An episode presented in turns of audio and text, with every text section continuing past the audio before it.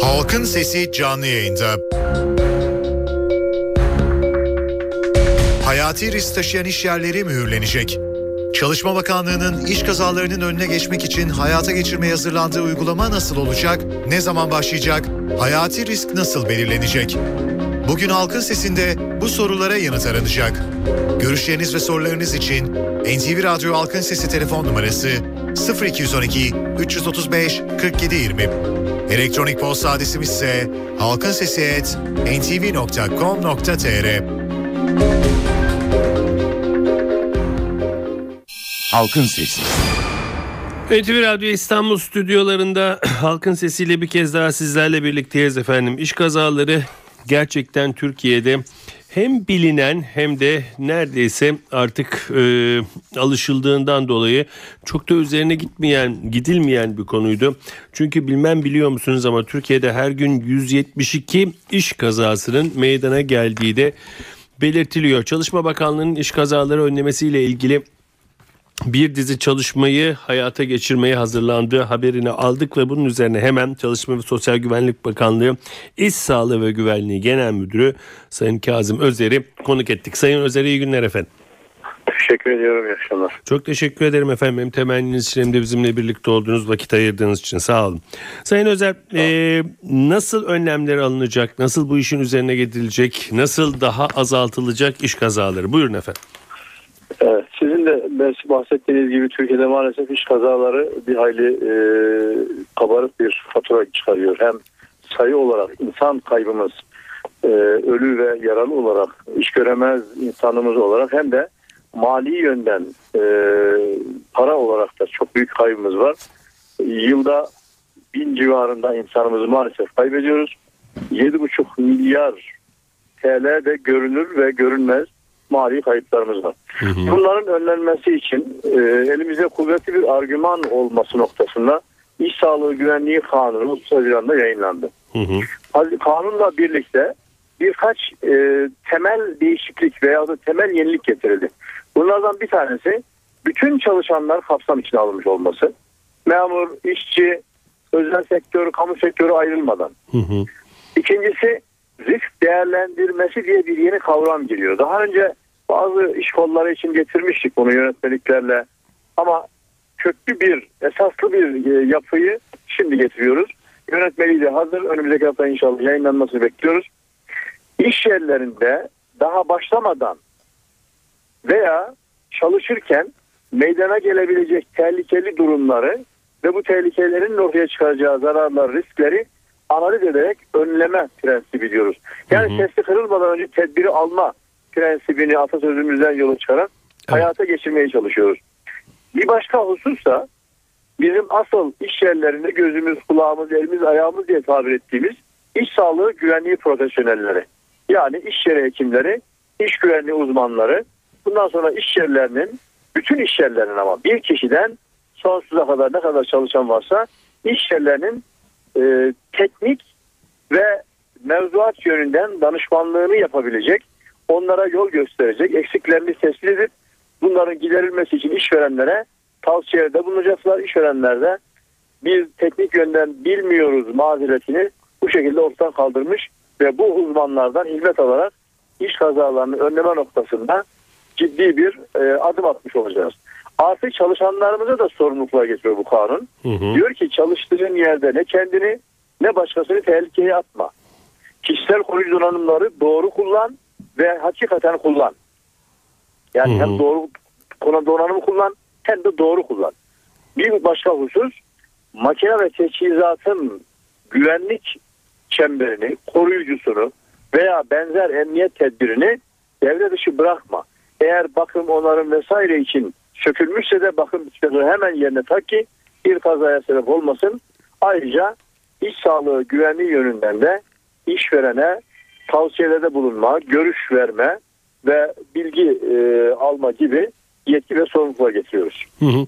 Peki efendim e, bunların tabi e, uygulanabilirliği son derece önemli. Sizin de dediğiniz gibi aslında iş sağlığıyla güvenliğiyle ilgili yasa yok değil var ama e, bir türlü uygulanmıyor. Yani işveren tarafından da baktığınız zaman çalışan tarafından da baktığınız zaman e, yani bir takım eksiklikler, boş verdimcilikler ne dersek bunun adına maalesef iş kazalarına neden oluyor. Bunun denetlenmesi nasıl yapılacak?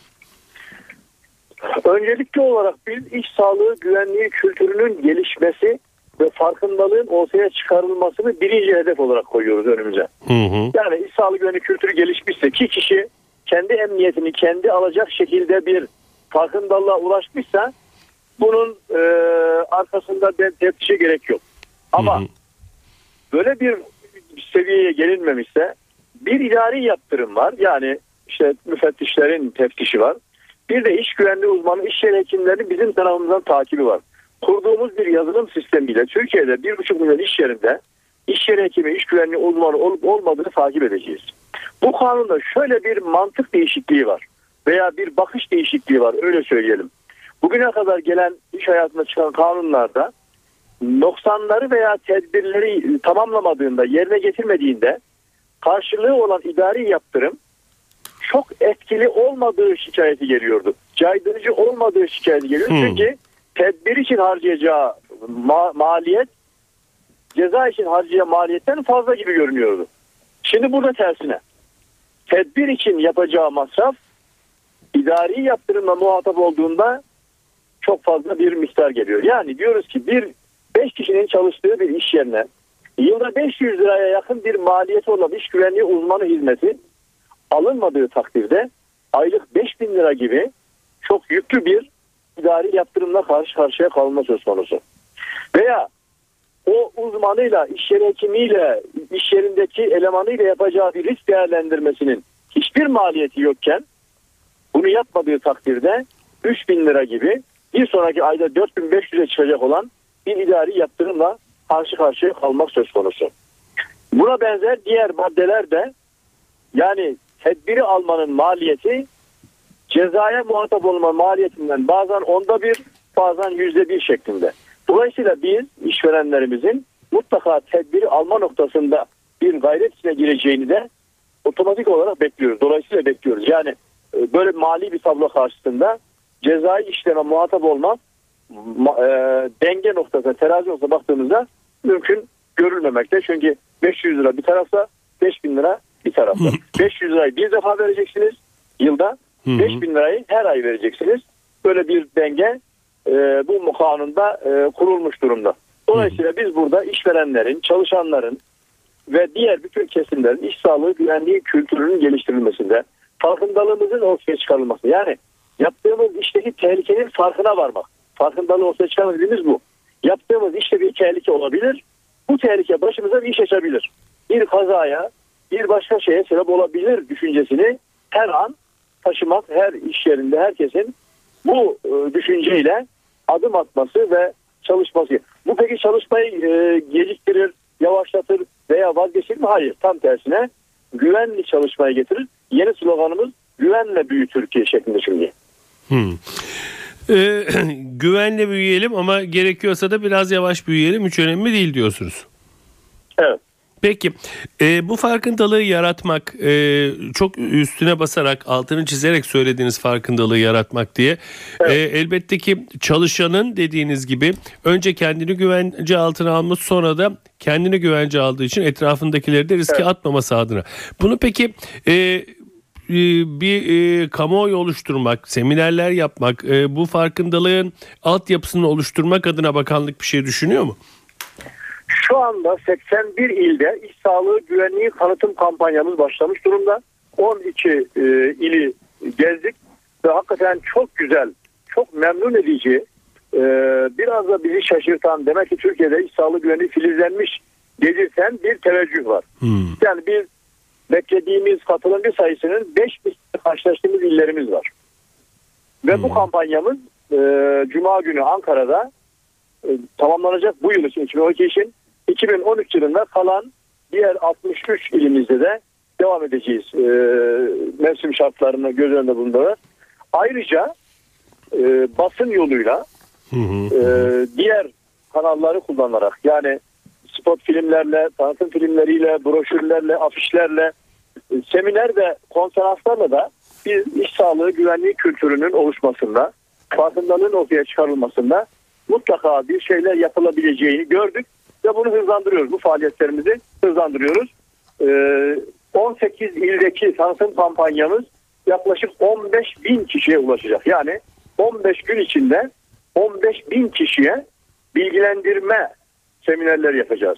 Önümüzdeki yılda dediğim gibi bütün Türkiye'yi dolaşarak bütün illerde spot filmlerimizi hazırladık. Onlar televizyonlarımıza inşallah radyolarımıza dönecekler. Ayrıca afiş ve broşürlerimize de yine bu farkındalığı ortaya çıkarmanın yollarını e, araştırıyor ve geliştiriyoruz. Hı hı.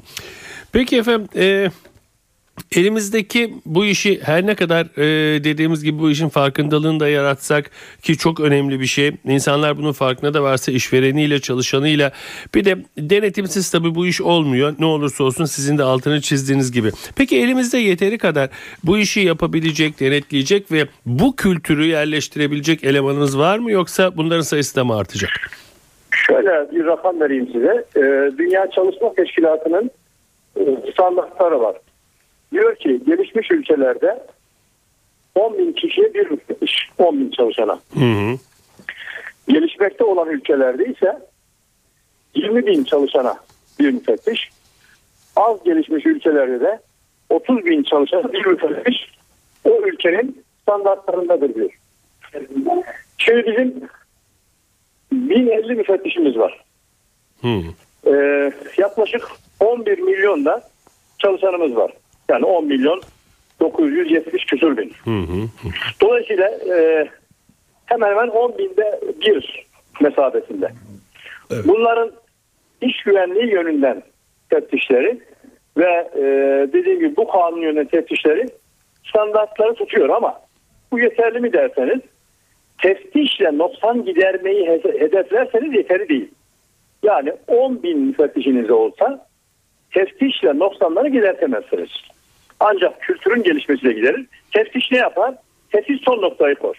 Yani hatırlatır, biraz sert hatırlatır. Bazen ceza işlem yapar, bazen iş yerine durdurma verir. Ee, dolayısıyla biraz daha e, yaptırım gücü fazladır. Ama e, sanayileşmiş ülkelere baktığımızda dediğim gibi hep bu kültür üzerine duruluyor ve uygulamada da risk değerlendirmesi esas alınıyor. Yani o iş yerleri risk değerlendirmesi çıkmışsa 90'lar ortaya çıkmıştır. Bunların tamamlanması için de bir faaliyet başlamıştır diyor. Burada bir kültür oluşmuş. Hatta Japonya'da mesela iş yerlerini sınıflandırıyorlar A, B, C diye. E, C çok noksanı olan. B epey bir tamamlanmış ama bir şeyler daha yapması gerekiyor.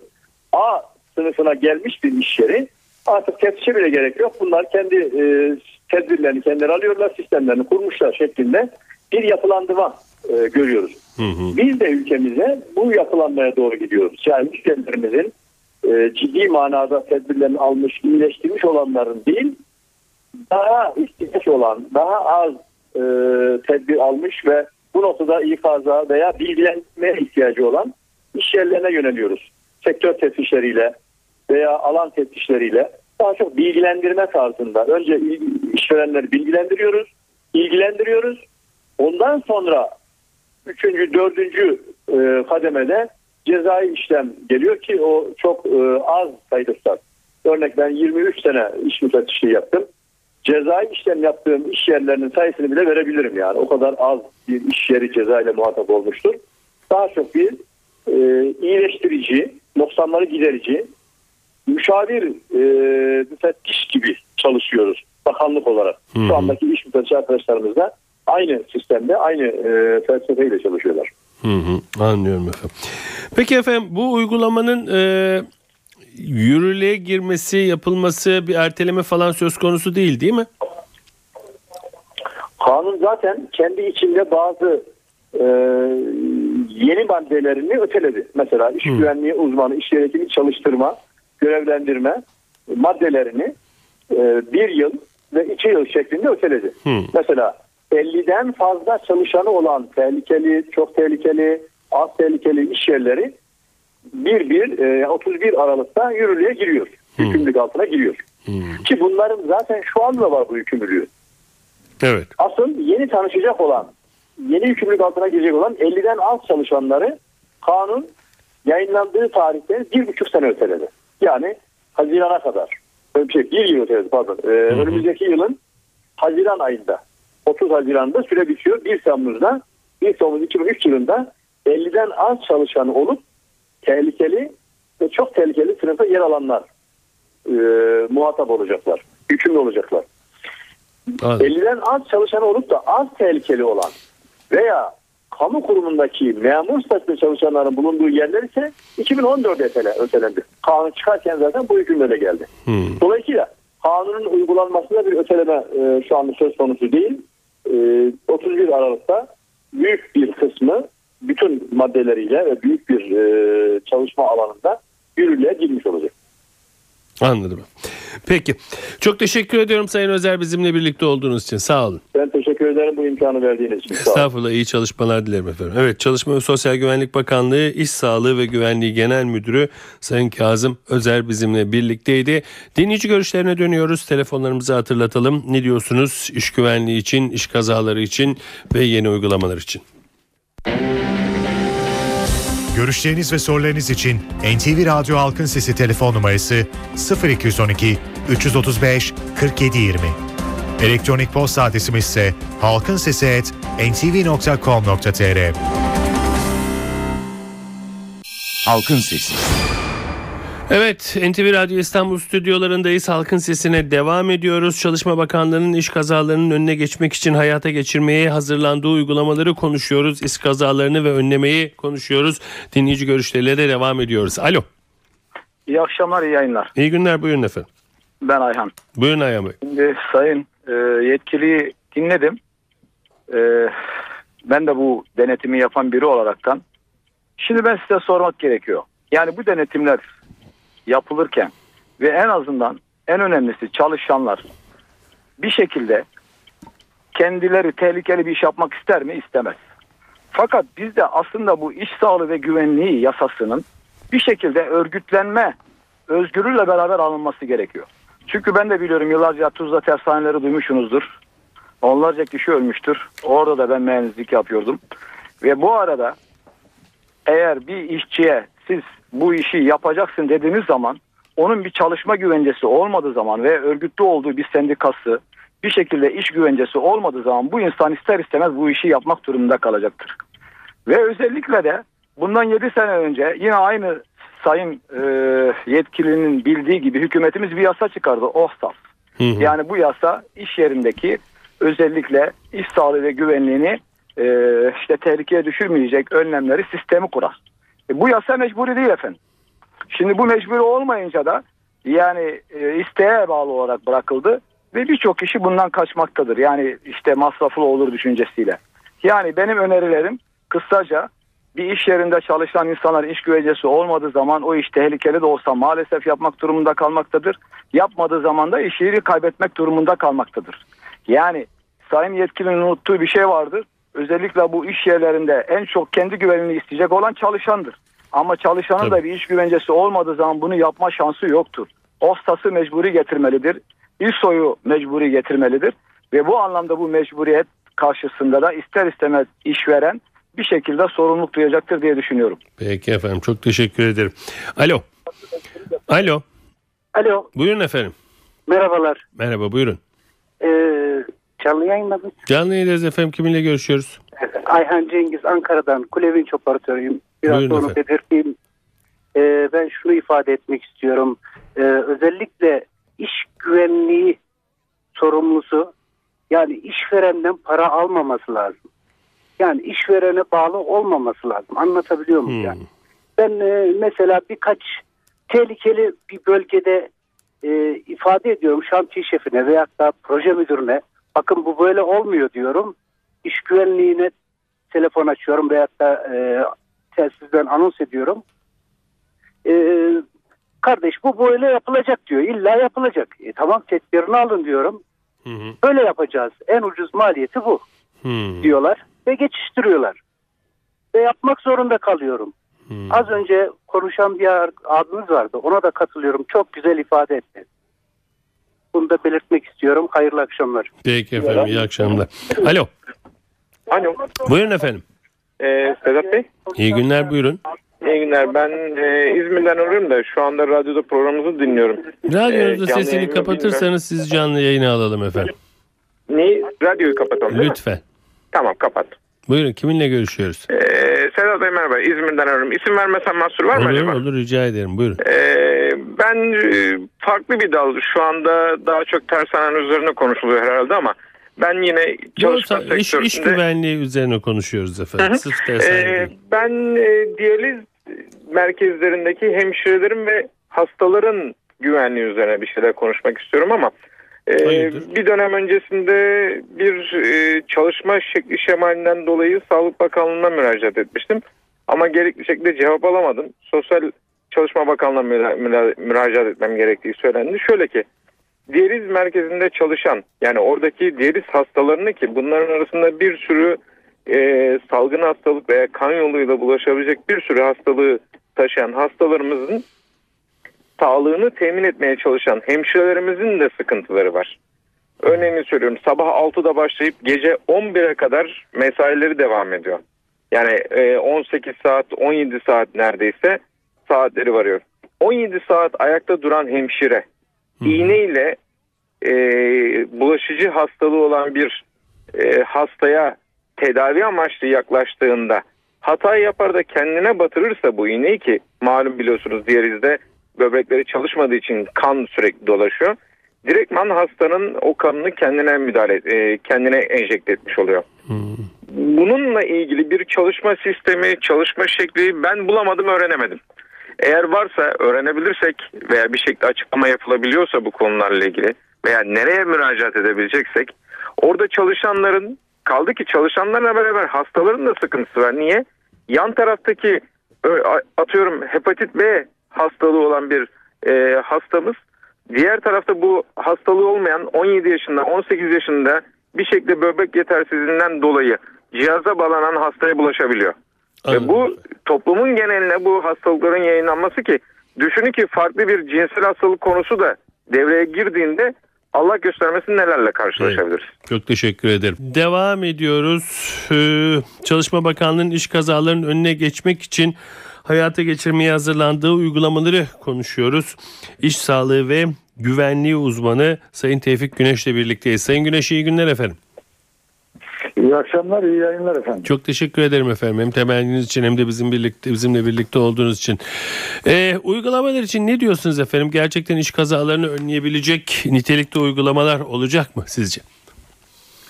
Şimdi aslında tabii öncelikli olarak hani yeni çıkan bu 600, 6331 sayılı yasa çerçevesinde bakıldığında e, sistemin ne olduğuna bakmak gerekiyor. Yani Türkiye'de sağlığı ve güvenlik sistemi geçmişte de e, çok fazla hem bakanlıkta hem birçok panel ve e, seminerlerde, eğitimlerde ifade ettiğim gibi çökmüş durumda. Yani 6331 sayılı sağlığı ve güvenliği yasası bu çökmüş sistem üzerinde kurulduğundan dolayı çok etkili bir uygulama sisteminin e, yaratacağını ben e, açıkçası e, düşünmüyorum.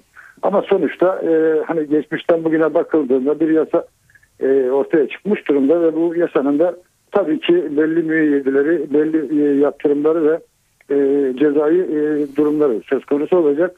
Bu anlamıyla da e, hiç e, bir şey olmaması e, göz önünde alındığında yasa kendisi e, belli bir e, askeri çerçeveyi çizdiğinden dolayı da e, yani yasa çerçevesinde ortaya konmuş olan e, uygulamalar, e, yaptırımlar ve e, bu konuda ortaya çıkacak sonuçlarını önümüzdeki dönemde göreceğimizi ifade e, edebilirim. Evet.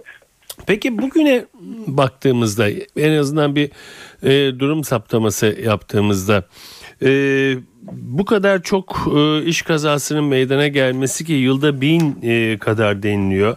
E, her gün 1200, 100 1200 ortalama. nasıl efendim? 1200 ortalama. 1200 ortalama.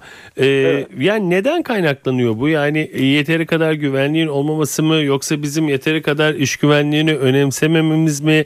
E, nasıl değerlendirirsiniz? Ya öncelikli olarak tabii bu e, ülkedeki e, üretim rejiminin e, doğrudan bağlantısı var.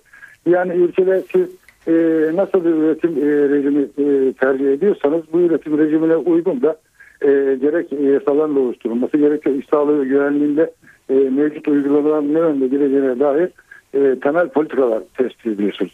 Geçmişten bugüne bakıldığında Türkiye'de e, yani e, üretim rejimi, birikim rejimi açısından e, çok ciddi bir e, tabii dışa açılma ve e, dışa açıldığınız e, noktada da ülke ekonomisinin birikim ve rekabetini e, önceleyen bir politikanın söz konusu oldu. Şimdi böyle olduğu zaman e, sonuçta birikim ve rekabet dediğimiz şey sürekli maliyetlerin aşağı çekilmesini e, öngören, e, gerektiren bir e, durumu zemini e, oluşturuyor. Bu da böyle olduğunda tabii ki bunun dalga dalga hem ücretler e, hem de iş güvenli uygulamalar dönük çok ciddi etkileri oluyor. Şimdi geçmişten bugüne bakıldığında aslında bizde iş güvenliğine ilişkin mevzuat e, çok kötü ve derindir. E, çok detaylı da bir iş sağlığı güvenliği mevzuatı vardır. Gerçi yasa yoktu ama e, çocuklar ve yönetmeliklerle e, çok ciddi bir çerçeve çizilmişti ama bunun hayata geçirilmesi konusu öncelikli olarak bir e, devletin sorumluluğundadır.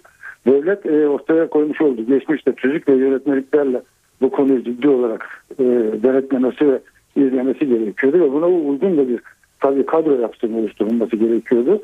İkincisi tabii bu konuda Türkiye'de e, mevcut üretim biçimiyle çok doğrudan bağlantılı olan işçilerin örgütlenmesi, çalışanların örgütlü halde e, bu süreci dahil olmaları konusunda çok ciddi e, eksiklikler e, söz konusudur.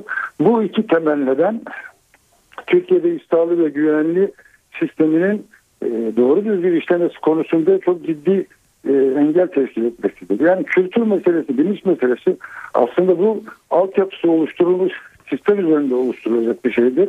Yani işverenlere bu konuda kültürel bilincin aktarılması, işçi sağlığı ve güvenliğinde çok ciddi eğitimlerin ve verilmesi ve bunun üzerinden bir kültürel bilincin oluşturulması süreç e, içerisinde ortaya çıkacak bir şeydir.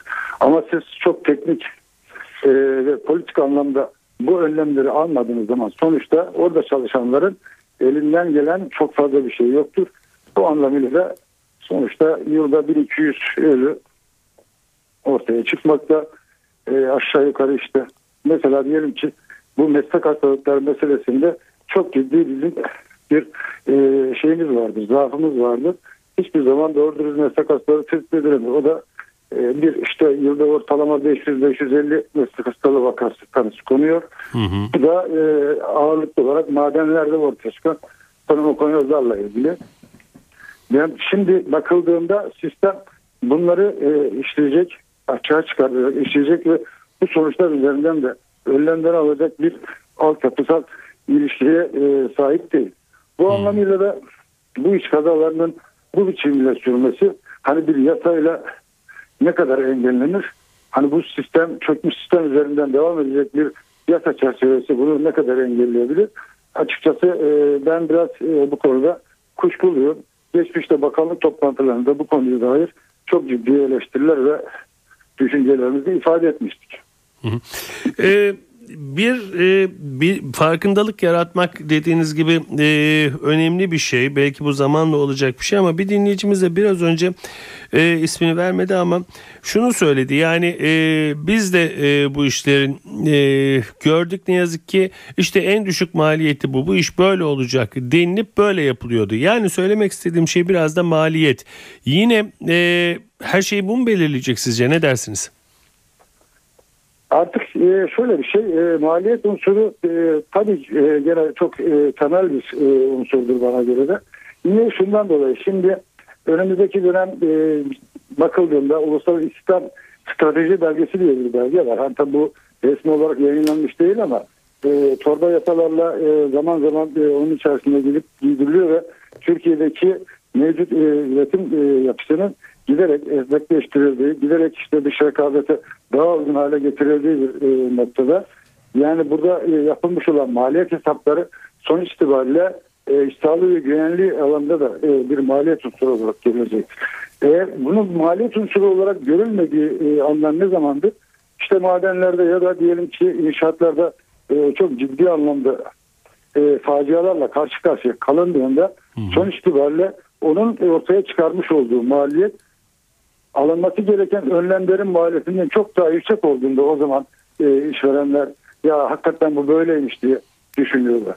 Şimdi bu konuya ilişkin olarak gerçekten de işverenlere bu maliyet meselesinin e, onların üretim ve verimliliği açısından e, çok fazla e, önemli bir unsur olmadığını sonuç itibariyle de ortaya çıkabilecek zarardan dolayı e, meydana gelecek maliyet yapısını ise bunu misli misli e, aşacağını ifade eden bir sürecin e, onlar açısından bir kültürel bilinci bir e, maliyet bilinci de e, oluşturabileceğini ben e, düşünüyorum. Sonuç itibariyle onlarda oluşacak böyle bir bilinci e, gelecekte iş sağlığı ve güvenli uygulamalarında en azından bir yanı itibariyle ha öyle değilmiş demek ki bu bizim üretim ve verimliliğimizde karımıza çok büyük etkisi bulunmuyormuş. E, sonuç itibariyle biz bu önlemleri hiç olmazsa asgari düzeyde alabiliriz ve sonuçta bu konuya ilişkin denetim ve yaptırımlarımızı hayata geçirebiliriz diye e, düşüneceklerini e, düşünüyorum. E, kaldı ki bu yasayla birlikte de çok hızlı şekilde zaten e, işverenler de kendileri açısından asgari düzeyde iş sağlığı ve güvenliği önlemlerine ilişkin gerek iş yeri hekimliği bazında gerekse de iş güvenliği uzmanlığı e, ya da gerekse de o ortak sağlık ve güvenlik birimlerinden dışarıdan hizmet alınması meselesinde e, hızlanan bir e, sürecin içerisine girdiler. Hani bu, bunu kendimizde artık hayatın içerisinde e, yoğun bir şekilde yaşamaya başladık. E, sonuçta maliyet meselesi e, burada onlar açısından çok temel mesele ama gelecekte üretim ve verimlilik meselesinde hem marka değer hem uluslararası rekabet hem de e, küresel bir ilişki e, bağlamında düşünüldüğünde iş sağlığı ve güvenliğine yapılan her yatırım kendileri açısından çok ciddi verimlilik ve yeterlilik artışı olarak kendilerine dönecektir. Peki efendim. Sayın Güneş çok teşekkür ediyorum bizimle olduğunuz için efendim. Sağ olun. Ben teşekkür ediyorum. İyi akşamlar. İyi günler efendim. İş sağlığı ve iş güvenliği uzmanı Sayın Tevfik Güneş'le birlikteydik. Evet bugün de Halkın Sesi'nin sonuna geldik efendim. Çalışma Bakanlığı'nın iş kazalarının önüne geçmek için hayata geçirmeye hazırlandığı uygulamayı konuştuk bugün. Çalışma ve Sosyal Güvenlik Bakanlığı İş Sağlığı ve Güvenliği Genel Müdürü Sayın Kazım Özer, İş Sağlığı ve Güvenliği uzmanı Sayın Tevfik Güneş. Bugünkü konuklarımızda her zaman olduğu gibi bugün de sizin de bu konuda neler düşündüğünüzü öğrenebilme şansına eriştik. Evet. Doğanın dengesi yerinde oldukça, ırmaklar yolunda aktıkça yarın halkın sesinde yine sizinle birlikte olmayı diliyoruz. Yapımda ve yayında emeği geçen tüm NTV Radyo ekibi adına. Ben Sedat Küçükay. Saygılar sunarım efendim. Halkın Sesi.